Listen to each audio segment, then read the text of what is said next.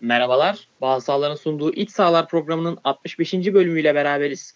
Ben Burak. E, yanımda Semih var. Beşiktaş Denizli Spor maçını konuşacağız bu hafta. Bugün e, Denizli Spor maçında Beşiktaş 5 birlik net bir galibiyet aldı.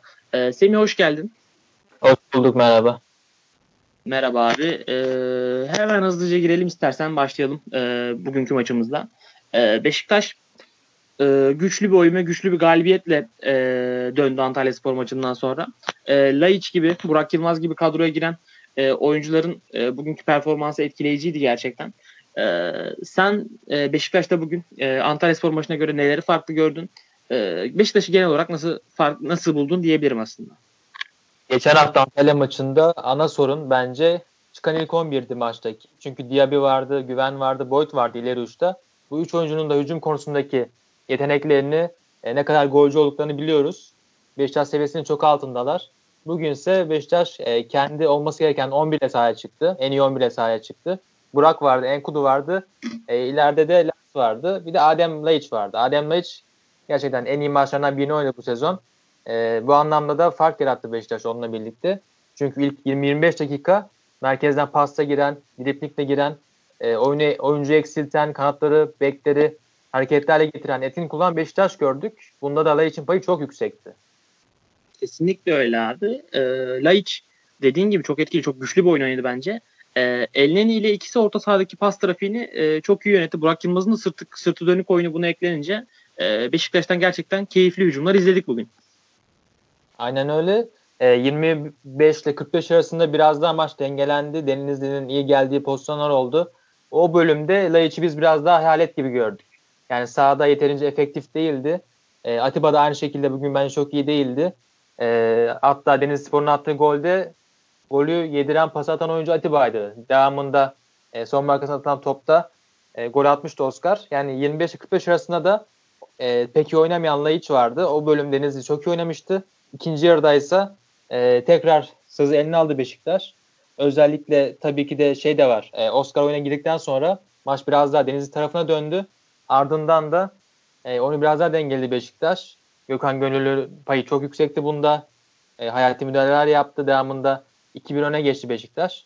Böyle olduğu için de e, biraz daha kontrolü ele alan Beşiktaş e, bu bölümden sonra topu tamamen kendinde tuttu ve rahat skor üretmeye devam etti. Ya kesinlikle öyle. Yani dediğin gibi Atiba bugün hani biraz sallandı. E, yedir, golü yedirdiği pozisyon var senin de dediğin gibi. Bir de e, tekrar yine Atiba'nın kaybettiği iki bongun kaptığı topta e, yine Rodega ile çok tehlikeli geldi. Denizspor birbirinden hemen sonraydı pozisyon. Bir de Gökhan Gönül mesela orada e, çok kritik bir müdahale yaptı ve Gökhan Gönül'ün benim bugün saydığım 3 tane çok kritik e, müdahalesi var ve ikinci golü de kornerden yine çok alıştığımız bir Gökhan Gönül golü ön direkte e, golü atarak e, maçın hani en iyi oyuncusu olmasa da kilit oyuncularından biri olmayı başardı. Onu nasıl buldun bugün? Bugün takımda çok iyi oyuncular vardı. O yüzden normalde Gökhan bu performansı birinci olur. Ama önce Laiş diyoruz, sonra Burak diyoruz ya da ikisi arasında yer değiştirebilir, sonra Gökhan diyoruz.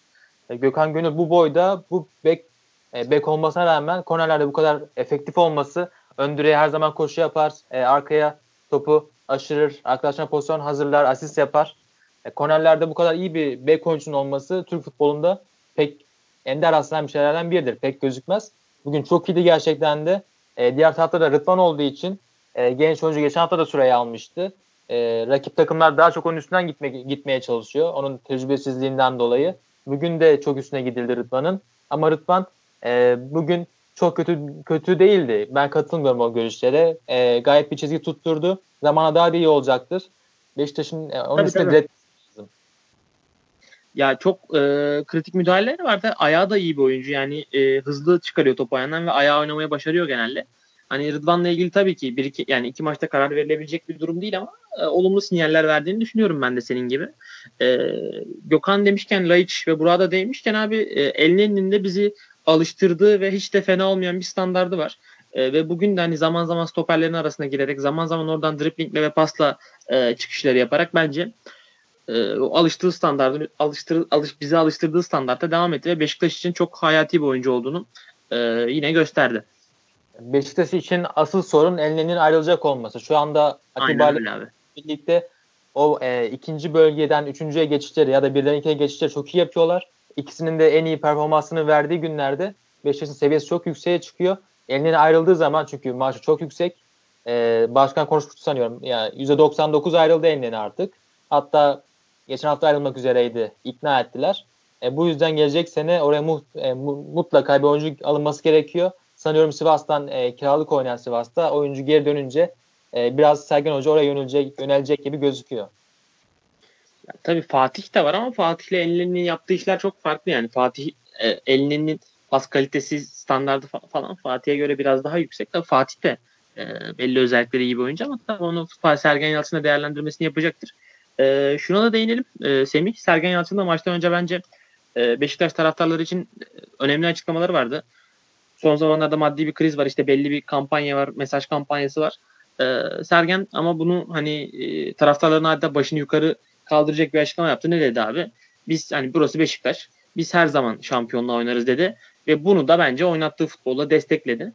Ee, yani büyük takımlar ne kadar maddi olarak zor durumda kalsalar da e, taraftarların her zaman bence bu mesajı verebilmeliler diye düşünüyorum. Bu da Sergen Yalçın için bence e, olumlu bir gündü bu açıdan. İyi yani bir öyle. iletişim, iyi bir iyi bir galibiyet. Kesinlikle öyle çünkü hatta şunu da vurgu yaptı. Ersin ve Rıdvan'dan çok memnunuz dedi maç önünde. Ee, Beşiktaş'ta sadece gençler oynayacak yani e, 10-11 tane genç oyuncu oynayacak diye bir şey yok. E, yeterli düzeyde olan gençler varsa sahada olur. Biz onları oynatırız dedi. Ve senin dediğin gibi şampiyonluk vurgusu yaptı. Asla hedef küçültmüyoruz dedi. Sadece başkanın söylediği gibi maaş büt, e, bütçesi düşürülecek. Pahalı oyunculardan takım e, biraz daha ayrışmış olacak. Bu anlamda Sergen Hoca'nın da hedefi çıtayı yukarıya koyması, taraftarı biraz daha camiayı kenetlemesi çok değerli konu. Çünkü senin de hatırlayacağın gibi pandemi öncesinde camia tamamen kenetlenmişti. Sergen Hoca'nın gelmesiyle birlikte e, camiada biraz daha birliktelik oluşmuştu. Pandemiden sonra sanki her şey sıfırlanmış gibiydi geçen hafta özellikle. Sergen Hoca'nın böyle açıklamalar yapması, bugün de alınan galibiyetle birlikte tekrardan acaba üçüncü olur muyuz, ikinci olur muyuz hesaplar yapılmaya başlandı Beşiktaş'ta. Kesinlikle öyle. Ee, yani bence Sergen Yalçın bugün gerçekten çok olumlu bir futbol oynattı. Bunda Denizli Spor'un da tabii e, yani çok bir Anadolu, Anadolu takımı değil de Bülent Uygun'un biraz daha e, geçmişten kalma ofansif futbol oynatma yani daha pozitif futbol oynatma e, merakı var. Bunu zaman zaman iyi yapıyorlar ama bu maçta yani 2-1'den sonra da çok kolay daldılar ve Beşiktaş'a e, kendi üçüncü bölgelerinde çok alan bıraktılar aslında. Biraz işin savunma tarafında çok iyi değillerdi ama tabii pozitif e, oynamaya çalışınca belli bir kadro kalitesiyle bunun bazı eksileri de dönebiliyor sana. E, onun dışında Semih sana e, sormak istediğim noktalardan biri Rıdvan'ı konuştuk. E, bugün kaleye geçen e, Ersin geçen hafta da kaledeydim. E, aslında bugün çok böyle çok fazla kaleye top gelmedi ama yine e, belli bir fikir oluşmuştur diye düşünüyorum kafanda. E, Ersin'i nasıl buldun? Yani e, değişik bir çocuk. Ben şuna dikkat ettim. Hani e, kalede pasif durmuyor. Sürekli konuşuyor mesela. Yani sürekli ona bağırıyor, buna bağırıyor. Duruşu güvenli. E, bilmiyorum. Değişik bir kaleci olabilir aslında. Geçen hafta 2-1 yenirken Beşiktaş bu e, fatura asla çıkmaması gerekiyordu. Zaten çıkmadı. İlk golde bir de çok kötüydü. E, bugünse Ersin'in ilk, bir iki tane yaptığı net fırsat vardı. Kurtarış vardı. E, net fırsatlarda. Bunlar bizim aklımızda kaldı. Gelecek için gerçekten umut veriyor. Beşiktaş'ın bence şu anda yapması gereken son şey e, gidip yabancı bir kaleciye büyük paralar döküp eskisi kadar büyük olmasa da yine de büyük paralar döküp e, kaleye geçirmesi olur. Çünkü Ersin gelecek için umut veriyor taraftara, camiaya, takıma. Onda biraz da ısrar etmek gerekiyor. E, çünkü gerçekten de hiç basat bir performans göstermiyor. Ve şöyle bir şey var tabii ki. E, biz ne zaman bu genç futbolculara şans verdik de onları yargılıyoruz gibi bir durum da var. Çünkü 2007-2008'den beri ilk kez 19 yaş altı yani 19 yaş 6 aydan daha küçük bir kaleci Beşiktaş kalesinde ilk kez forma alıyor. Geçen hafta ilk kez forma giymişti. Bu hafta tekrar girdi.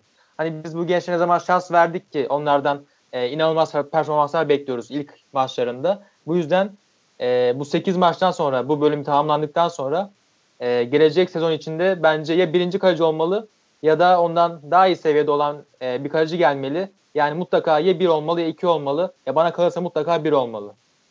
Ya ben e, senin kadar emin değilim bu konuda. Tabii Ersin hani fena bir çizgi göstermedi iki maçta ama e, kaleci mevkisi abi çok hani e, oyuncu geliştirilecek bir mevki değil bence. Hani Beşiktaş bir para harcayacaksa transfer döneminde bence bunun e, Ersin tabii ki 8 yani bundan sonraki haftalarda göstereceği performans çok önemli. Eğer çok güven verirse, çok iyi bir çizgi koyarsa ortaya tabii ki Ersin oynasın ama e, yani Beşiktaş eğer gerçekten güvenilir, e, kendisine seviye atlatabilecek bir kaleci bulursa kendine uygun mali şartlarda tabii tırnak içinde e, kesinlikle transfer etmeli. Çünkü kaleci mevkisi sen takımın kötü olsa bile Mustera Galatasaray etkisini görüyoruz. E, yani seni çok farklı seviyelere taşıyabiliyor. E, o Ersin konusunda geçtikten sonra abi istersen biraz da Denizli Spor'a değinelim. Yani onlar da pandemi döneminden sonra çok iyi dönmediler. Bugün de aslında ilk hani golden sonra 1-1 ile 2-1 arası bir pozitif bir futbol oynadılar gerçekten Estupinan'da girdikten sonra ama e, 2-1'den sonraki bölümde e, feci dağıldılar. Ve bu bugün ayrıca hani şeyi de belirtmek lazım. Rodega da takımın en iyi oyuncusu. Yani çok kötü bir performans gösterdi. Topları kontrol edemedi sürerken ayağından açtı. Hani onun da şu an çok fiziksel açıdan iyi değil gibi geldi bana. Geçen hafta Beşiktaş'ın yaşadığı sorunu, Sergen Hoca'nın yaşadığı sorunu bu hafta Deniz tarafı yaşadı desek yeridir. Çünkü Sergen Hoca e, geçen hafta kötü 11 çıkarmıştı. Oyuna müdahalelerle iyileştirmişti 11'i. Bu hafta da Denizli Spor tarafında aynısını gördük. Olcay'ın başlaması, Sako'nun başlaması bence son derece yanlıştı. Çünkü ne olursa olsun sizin yedeğinizde e, çok iyi oyuncular var. Oscar gibi bir değer var. Ve üstelik şunu da belirtmek gerekiyor. Bu takım 26 gol atmıştı bu maça kadar. 20'si Hugo, Barov, Vuravski, Oscar ve Mustafa Yum'dan gelmişti. Diğer oyuncuların tamamının birer golü vardı. Ee, sahada da ilk 11'de bu oyunculardan 3 tanesi vardı. Bu yüzden de e, her fırsatta takımı yakaladığı her pozisyonda bu 3 oyuncuya gelmesi lazım topların bugün. Yani Hugo'ya gelmesi lazım ya da Muravski'ye gelmesi lazımdı. Hücumcu oyuncular olduğu için Mustafa'ya göre. Bu yüzden Olcay'a geldiğinde top, Sako'ya geldiğinde top hep boşa gitti. Mesela Olcay'ın çok e, önemli fırsatı vardı. Zamanlama yani, kaybetti. Orada çok ağır kanlı davrandı Olcay ya. Aynen öyle ya. Bu yüzden eğer Oscar ilk 11 başlasa daha farklı bir durum görebilirdik. Zaten ikinci yarının başında oyuna girer girmez. Önce golü buldu Denizli Spor. E, ikinci golü de yaklaştılar. Çok yaklaştılar. Ardından e, Gökhan'ın muhteşem o 15 dakikalık performansıyla maç hemen döndü. Kesinlikle öyle abi. Ben bugün Denizli Spor'da ayrıca Aysat, e, İsmail Aysat diye beğendim. Çünkü hani e, Olcay'a atılan pası o attı. Estupinyan'a e, golde pası o attı. Ve 2-3 tane de değerlendirilemeyen yine kilit pası vardı. E, Aysat'ın o, o bugün fena performans göstermedi aslında. Onun dışında Denizli Spor çok iyi performans yok. Yani Olcay zaten çok kötüydü. Sedat onun yerine girdi. Yine etkili olmadı. Belki e, Sako, e, Rodega, Estufinyan kalabilirdi ikinci yarıda. O şekilde deneyebilirdi ama Sako'yu da çıkardı e, Bülent Hoca. E, Mustafa Yumlu yine bizim ligde çok artık hani biraz e, bazı oyuncularda Sabri Sarıoğlu'nda olduğu gibi alaya alınma durumu oluyor ama bence Mustafa Yumlu Denizli Spor savunmasında e, fena bir performans sergilemiyor. Yani e, bugün de yine çok kritik müdahaleleri vardı. E, takımına hü- hücum anlamında da katkı veriyordu ki sen buna da zaten Twitter'da olsun e, bu programda olsun çok fazla dikkat çektin. E, o da bence e, gayet yerinde performans veriyor takımına. Aynen öyle. Çok küçümsenen oyunculardan biri Mustafa Yumlu. E, Aytaç Kar da aynı şekilde. Ben onu çok beğeniyorum mesela ama genellikle küçümsenir bu iki oyuncu da. E, Mustafa Yumlu, Hugo ve e, Oscar'dan sonra en fazla isabet şut çeken oyuncu şu an. Siz böyle bir şey bekler misiniz normalde? Beklemezsiniz. Ama bu aslında planlama hatası da diyebiliriz. Çünkü evet, sizin savunma, savunma oyuncunuz e, 27 hafta geçmiş. Hani e, hafta, ligin 5. haftası olsa gayet doğaldır. Ama 27 hafta geride bırakıyorsunuz artık. Mustafa Yumlu'nun hala bu düzeyde olması hücum anlamında endişe verici Denizli Spor adına. Takımın kırılganlığı çok yüksek. 2-1'den sonra tamamen dağılmış bir takım gördük. 3-1'den sonra tutamadılar takımı artık. E, a, a, bu sefer artık yaklaşmışken 16. sıranın e, korkusu gelmişken Denizli Spor'a yavaş yavaş düşme korkuları başlamışken takımlarda her puan çok önemliyken bu kadar kolay dağılmak bence büyük sorun Denizli Spor için. Kesinlikle öyle. Onda bence biraz da şunun da etkisi var. E, orta sahada Muraski ve Aysel de çok e, eforlu oyuncular değil. Orta sahanın genelde e, mücadele yükünü, yükünü çeken oyuncu Kibong. Kibong Mbambo. Onun da e, 45. dakikada sarı kart görmesi o yaptığı agresif müdahalelerde çok rahat olamamasına yol açtı. E, o da biraz Denizli Spor'un aslında orta sahadaki o baskıyı iyi yapmasını, sertliğini biraz azaltan bir unsur oldu. E, onun dışında da abi benim şu anda maçla ilgili ekleyeceğim bir şey yok. Sen e, eklemek istediğin, değinmek istediğin farklı bir nokta var mı? E, bir de şöyle bir nokta var. Beşiktaş e, şu anda ligin en fazla duran toptan gol atan ikinci takımı. E, bugün de tekrar duran top bir golü attılar. Bu gerçekten onların da fark yarattığı alanlardan bir tanesi. Denizli Spor normalde duran toplarda çok iyi bir olan bir takım. Az gol yiyorlar. Sanıyorum 4 ya da 5'ti. Ligde e, bu alanda 5. sırada falan Denizli Spor. Oldukça iyi durumdalar duran toplarda. Savunma konusunda. Ama Beşiktaş yine duran top farkı yarattı bu sezon olduğu gibi. Bu sayede gol de geldi. Bir diğer nokta e, fark yarattığı Beşiktaş'ın Atiba'nın ceza sahasına yaptığı bindirmelerdi. Bu sezon çok yaptı bunu. Bugün hem gününde değildi. Tabi ona da hak vermek gerekiyor. Her zaman çok iyi oynayamaz. Evet, evet. Ee, eğer bugün yapsaydı biraz da maç daha kolay kopabilirdi. En azından ilk yarıda kopabilirdi. Bugün çok az yaptı ceza sahasına bindirmelerini. O yüzden biraz daha sıkıntı yaşadı Beşiktaş. Ya tabii e, aynen öyle. Ondan da her gün tabii çok, her maçta çok yüksek performans beklememek lazım. Beşiktaş'ın da bu duran top performansında tabii ki e, belli bir planlama başarısı ama Gökhan Gönül'ün de e, kesinlikle etkisi var diye düşünüyorum. E, önemli noktalara değindim bu arada. Teşekkür ediyorum sana da. E, Beşiktaş maçını konuştuk. E, artık e, iç sahalarda bu şekilde maç maç daha e, bölüm bölüm kısa programlar yapacağız. E, siz de anlamışsınızdır zaten program 16 dakika sürünce. E, istersen yavaştan kapatalım seni. Kapatalım. E, bizi dinleyen herkese çok teşekkürler. E, hoşçakalın. Hoşçakalın.